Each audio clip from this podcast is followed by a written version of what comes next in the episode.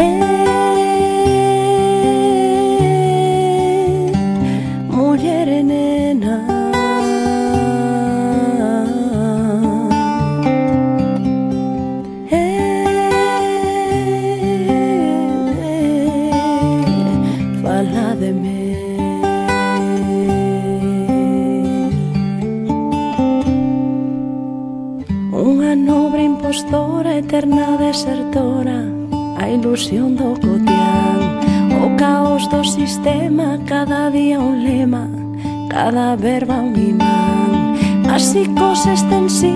hondura máis viva Un sentir a prazer. As mulleres que cantan e as que se levantan Dan ya vida un porqué. Eh,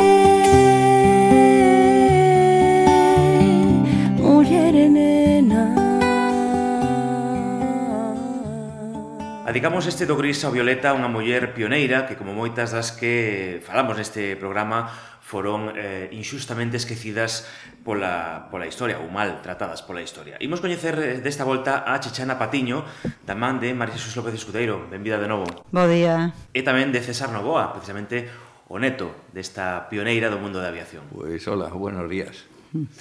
Elisa Patiño e Meléndez, Chechana Patiño, Era filla dos duques de Patiño, naceu a finais do século XIX nun ambiente, polo tanto, acomodado. Eh, onde pasou a infancia e como era aquela Elisa de nena, María Jesús? Bueno, pois eu creo, bueno, temos aquí ao neto que despois nos falará César, pero eu penso que, bueno, era, como ben dixeches, naceu e educouse pois, nun ambiente de, de recursos, non? O sea, que era unha nena que seguro que tivo unha formación moi completa, unha formación artística moi interesante, porque daquela época precisamente as xentes que podían, non, pois eh, educaban tamén as fillas. E digo iso tamén porque é moi importante, porque pois ficaban na casa das, pois eso, as e no cuidado dos irmáns e das irmás pequenas, non?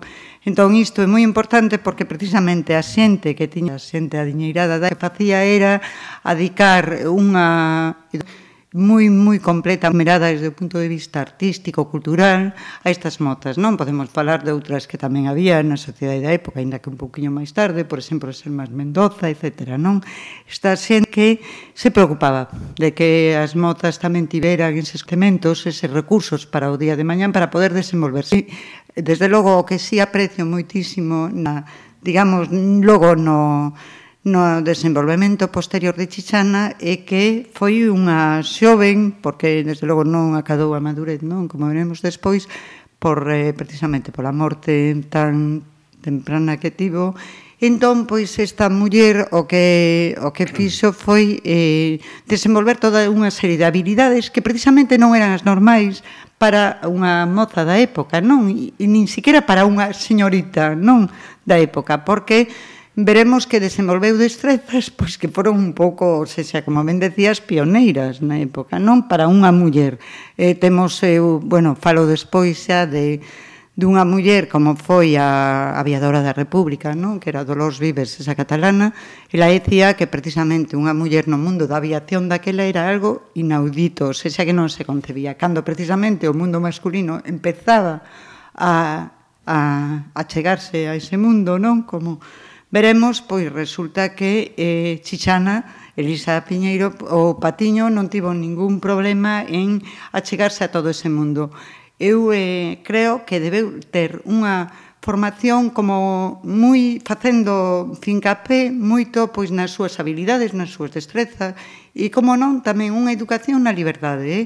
Temos que ter en conta, eu preguntaba agora a César, non, si lembraba cal era a profesión dos seus pais, porque Daquela, claro, chegábanse a desde Europa estas correntes que querían acabar co conservadurismo un pouco na educación e a min dá a impresión de que todas esas ideas da institución libre de enseñanza que logo se desenvolverían, non? pois eh, eh, o Instituto Fruebel, non? aquí en Pontevedra, todas estas ideas progresistas calaron nunha sociedade un pouco inqueda da época. E eu creo que Chichana é un pouco pois o resultado dunha educación un pouco eso, eh, cultivando as ansias de liberdade, as ansias de, de autodefinirse como muller, non? De, inda que si unha ideoloxía aí concreta, non? E, digamos, xa, pois non unha ideoloxía que podemos falar de feminismo, xa, non? Definido, pero sí que eh, están aí unhas arelas de, de desenvolverse como muller plenamente sin ningún tipo de obstáculos porque as habilidades que la desenvolve, repito, non teñen nada que ver co estereotipo que a sociedade marcaba para as mozas e para as señoritas da cidade, por hai que decirlo, que ela formaba parte delas. Precisamente Chichana, como decías ou como apuntabas, foi a primeira muller que se subiu a, un, a bordo dun aeroplano Era unha moza, eh, César, eh, polo que recordas, polo que te chegou a ti, intrépida e aventureira, non? Yo creo que yo la definiría como rompedora, porque en aquella época, como decía María Jesús, no era habitual el comportamiento ni social ni personal de las mujeres, estaban aún en esa fase que empezaban a, despuntar, pero ella no solo eh, eh, tiene el tema de haber volado con Piñeiro, que lo que digamos es más noticia, es que ella en aquella época, eso sí lo sé porque hay papeles, ella se iba desde Sanjenjo a Villalonga, Rebel, que era la casa familiar, en bici volvía. Ir una mujer sola en bicicleta por las carreteras de aquella época, eso era una estructura distinta. Y yo creo que le viene no por su abuelo, porque el último duque fue el abuelo, no el padre, fue el abuelo, sino por su abuela, eh, Peregrina Amado, que eso sí que era muy, muy, muy avanzada. Eh, su tío José Benito Amado era una persona que también tenía mucho mundo, era poeta, era una persona que que en Pontevedra eh, cubrió un espacio social y eso, digamos, la influyó en ella, la marcó y salió distinta, no salió como era lo habitual o el estereotipo de, de, la, de la, época. ¿no? Estabas ahora tamén a, a José Piñeiro. Ela eh, cando tiña 22, 23 anos aproximadamente, acompañou nunha exhibición en, en Baltar e ali deixou asombrada todo o público, non, María? Sí, sí, bueno, eu quero volver un poquinho atrás, non? E é que nas festas da Peregrina, De 1911, pois bueno, aquelas festas que se celebraban pois con todo si, todo tipo de eventos, non? Desde os xogos florais, as corridas de touros, as eh, acrobacias ese ano que houbo dos voadores eh, de Garnido francés, E entón, bueno, pois era unha riqueza de eventos o que había, non? Naquelas festas. E precisamente na peregrina de 2011, cando viñeron aquí, eh, pois eso, Garnier co seu aeroplano a facer toda unha serie de exhibicións de vos. Eu sospeito, quero, aquí sí que boto un poquinho mando que é a, a imaginación, sospeito que Chichana seguro que estaría entre ese público aquí en Pontevedra que miraba a brallada pois as acrobacias destes pilotos franceses, non? Estamos en, 2000, en 1911. Entón, eh, foi precisamente a raíz de, de esa exhibición non? que houbo, que por certo, bueno, houbera todo un litixio enorme con Vigo, porque primeiro iba a voar eh, somentes na peregrina aquí en Pontevedra, despois decidiu que tamén voaría en Vigo, pero que ao final pois non o deixaron e tipo que voar somentes en Pontevedra. Eu creo que Piñeiro e Chichana estarían aí, seguro. E dai precisamente foi de onde veu a afición, onde se despertou, non? A afición de Piñeiro a voar. Foi cando vendeuse a fábrica de, con, de gaseosas que tiña en San Xenxo e decidiu xa adicarse ao mundo da aviación. Chichana en, 2000, en 1913 está en San Xenxo, na praia de Baltar, e claro, pois como persoa intrépida que era, sin temor a nada, pois di que ela tamén quere voar e acompañar ao aviador que lle chamaban o tolo piñeiro, porque claro, daquela sí. era un mundo de moi innovador aquelo, non? De de ver voar eh, o que lle chamaban unha bicicleta con alas, né? Está na prensa da época así. E en as fotos se ve sí. que é unha bici con alas. Claro. E entón, pois, pues, ela di que quere acompañalo. Eh, bueno, por suposto, era un aeroplano pois, pues, monoplaza, houbo que habilitar, poñer ali unha madeira ao lado para que Chichana se pudera sentar ali ao lado. E bueno, verdadeiramente o abraio do público, eh, de que inundaba a praia de Baltar e todos os arredores ali por Porto Novo e San Xenxo, pois claro, o que ficaron aínda moito máis abrallados, non? Ao ver que unha señorita que veraneaba ali, porque ela compartía, non, a vida entre entre el rebel en en Villalonga e San Xenxo, e logo en invierno aquí en E logo en inverno aquí. Entón, pois claro, ver que aquela xoven veraneante, pois que se decidía como eso, como unha persoa intrépida e sin ningún tipo de medos e que pois se decidiu a voar. A raíz dai foi cando apareceu tamén xa eh, pois a afición de Chichana a voar. Inda que ela non colleu eh, o carné de pilota, non? No, eu creo que Claro, eu creo que non porque Bueno, tamén eh, temos que pensar que morreu aos 29 anos, non? Sí. Non podemos saber o que daría de sí, seguro que ese futuro que la tería, pois, que podería desenvolver como pilota tamén, non? Seguro que ao mellor nun futuro, pois, eh. pues, eh. pois podería, pero esa morte que eso que truncou un pouco, non? Toda, todas pues as súas Tal como arenas. era, era capaz de haberse ido con Piñeiro de gira por aí. O sea, pois pues claro, que... porque estamos falando dunhas xiras pois pues, por Bos Aires... Sí, por... hai un libro, sí. un libro moi bueno que se chama El vuelo de la gaviota dedicado a Piñeiro e describe moi bien como era Piñeiro. Sí. Y conociendo como era Piñeiro e ella siendo amiga de Piñeiro, pois pues ya te puedes imaginar, tamén era una, una lanzada. ¿no? E que precisamente o da Gaviota era unha das acrobacias, non? Sí, que, facía que era rozar Piñeiro, con un ala mala, el mal. Sí. Entón, eu o que penso é que ela, tranquilamente, ¿eh? de non de, de poder seguir, non? Pois seguro que formaría parte dese bueno, dese grupo de pilotos que houve aquí en Galiza, precisamente a raíz da, da afición de Piñeiro, non? Que estamos falando de Joaquín Loriga, de mm, Iglesias Valle ou ben tamén de Ramón Franco, non? Que foron unha serie de xóvenes que eh, descubriron a partir dai pois esa afición pola, pola aviación. E eu penso que Chichana seguro que seguiría aí. Sí, y bueno, luego hay una faceta que claro, estamos hablando de la, digamos, de la de lo que es más eh, comercial o espectacular de aquella época, pero ella era una persona muy altruista. Cuando la Primera Guerra Mundial recogían a, heridos, eh, a heridos ingleses y a heridos de, que venían y que los desembarcaban en Villa García en aquella época y los cuidaban y, había creado pues casi un hospital personal para atender a aquella gente. O sea que en ese aspecto también se comprometía en, en ese outra área, non só la lúdica de volar, non? Non, sí. bueno, claro. Eh, bueno, debo dicir que tamén a Arte era unha persoa que tiña unha unha muller moi culta, non? Tocaba varios instrumentos, estaba tamén moi moi metida no mundo da pintura, non? Sí, sí, era unha persoa desde logo polifacética, eh? Sí. porque si teatro calamos, le encantaba. Aí está, era unha persoa que eu creo que formaba parte daquela sociedade que había aquí en Pontevedra, non? Pensemos que, claro, Pontevedra a finais do, do 19 e principios do 20 pois era unha vila chea de inquedanzas culturais, artísticas, bueno, e tamén, por suposto, políticas, e, bueno, pois eu creo que Chichana seguro que participaba un pouco en toda esta efervescencia que había artística e cultural na vila, non? Ela precisamente tocaba o violín, tocaba o piano, Participou en diferentes concertos, en recitais, de xeito altruista, sempre o que ti decías, non? A muller sempre comprometida con axudar a xente que, que yo solicitaba, non? E que eu necesitaba. Podemos, eso, hai constancia de que participou en diferentes festivais e galas benéficas, non? Da época. E hai un detalle que cando a compañía de María Guerrero, non? Porque eso, Pontevedra nesta época, pois con esa vida tan rica que tiña, eh, artística e cultural, recibía a visita das mellores compañías teatrais que existían no Estado español.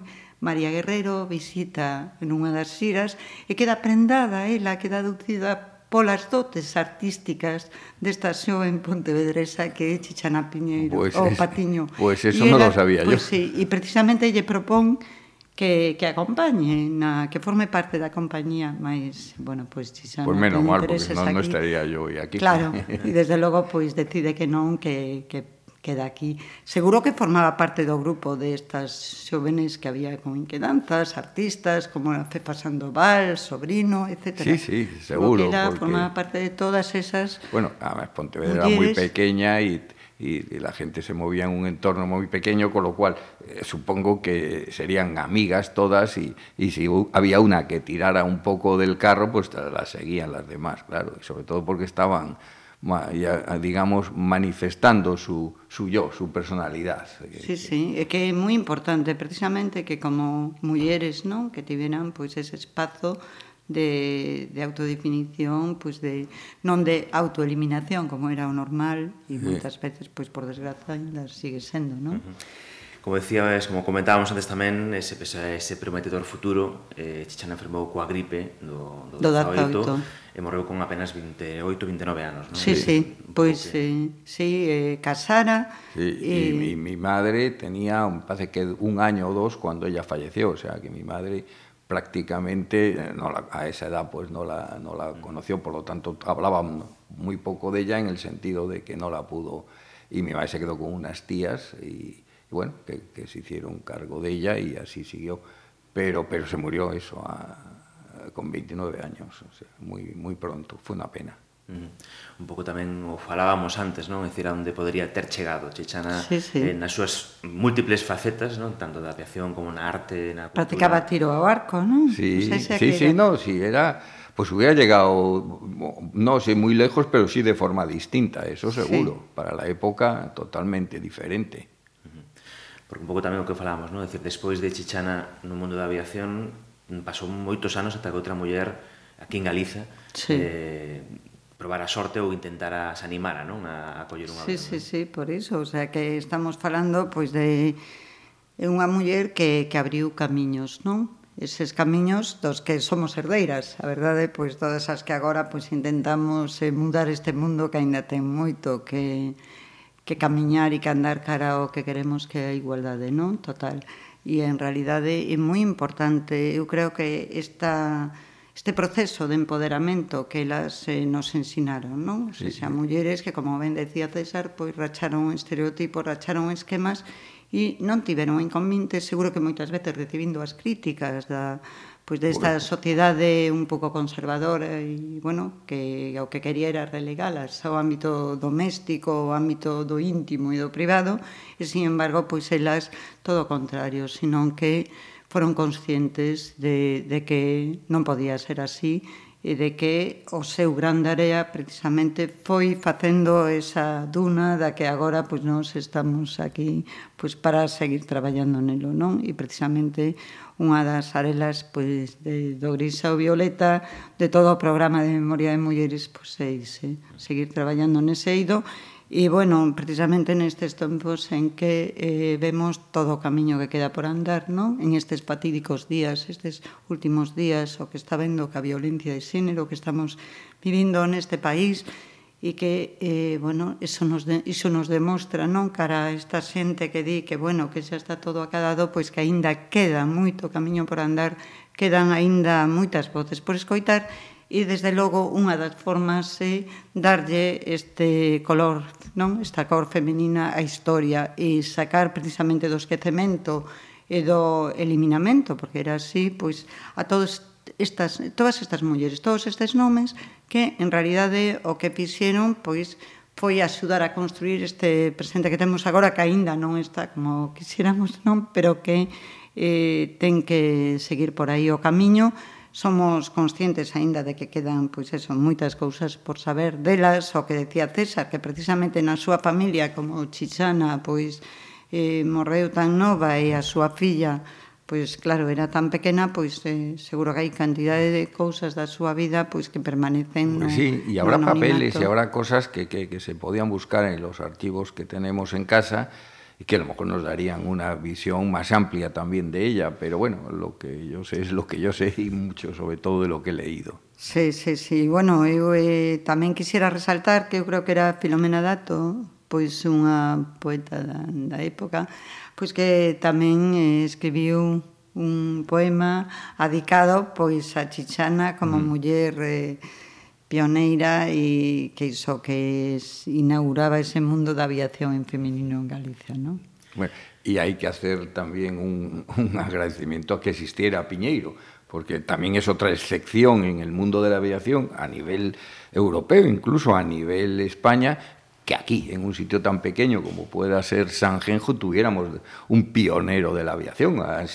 Fue una suerte también eso, ¿no? Y una coincidencia dos personalidades que debían de ser moi similares, seguro. Piñeiro pues sí, e mi, que pasa que, mi abuela. Para, claro, o que pasa que a túa boa pois pues, o tiña seguro que un pouco máis difícil que el, porque ela o Por ser muller seguro que... Sí, por efecto, claro, non, non falamos no, dese de ángulo, é dicir, tamén na, mm, entre comiñas, valentía de Ramón Piñeiro de eh, coller a unha muller como Chechana frente ao desafiando un pouco as reglas sociais e levala con él. Pois sí que bueno, tamén é verdade, sí, eh? o sea, e logo, bueno, de... ademais hai anécdotas que porque ele era tamén moi intrépido, entón pois eso facía o eh, como se chamaba unha tamén outra acrobacia no, que era el vuelo el, invertido. El vuelo invertido que foi antes que Bedrines, foi el sí, primeiro que, que, que tamén, se atrevió o sea, a hacer sí, eso. Era intrépido logo con eh, o que chamaba eso el vuelo de la gaviota, etc. E tivo, bueno, moitos accidentes.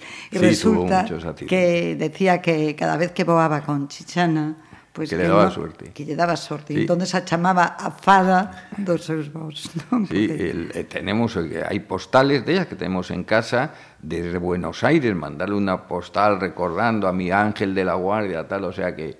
No, no, coincidieron dos personajes que, mira, que bien, que, ah, gracias a eso podemos hoy hablar de ellos. Sí, sí, sí. Pois, como sempre, un placer en Pontevedra Viva Radio poñer o noso grande área para recuperar esta memoria das mulleres, en este caso mulleres pioneiras, que tivemos aquí aquí en Pontevedra. María Jesús López Escudeiro, César Novoa, moitas grazas aos dous. Moitas grazas a vos.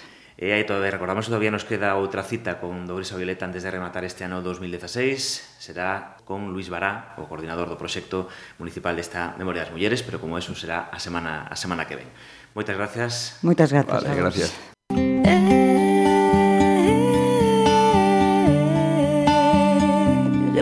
pequeña.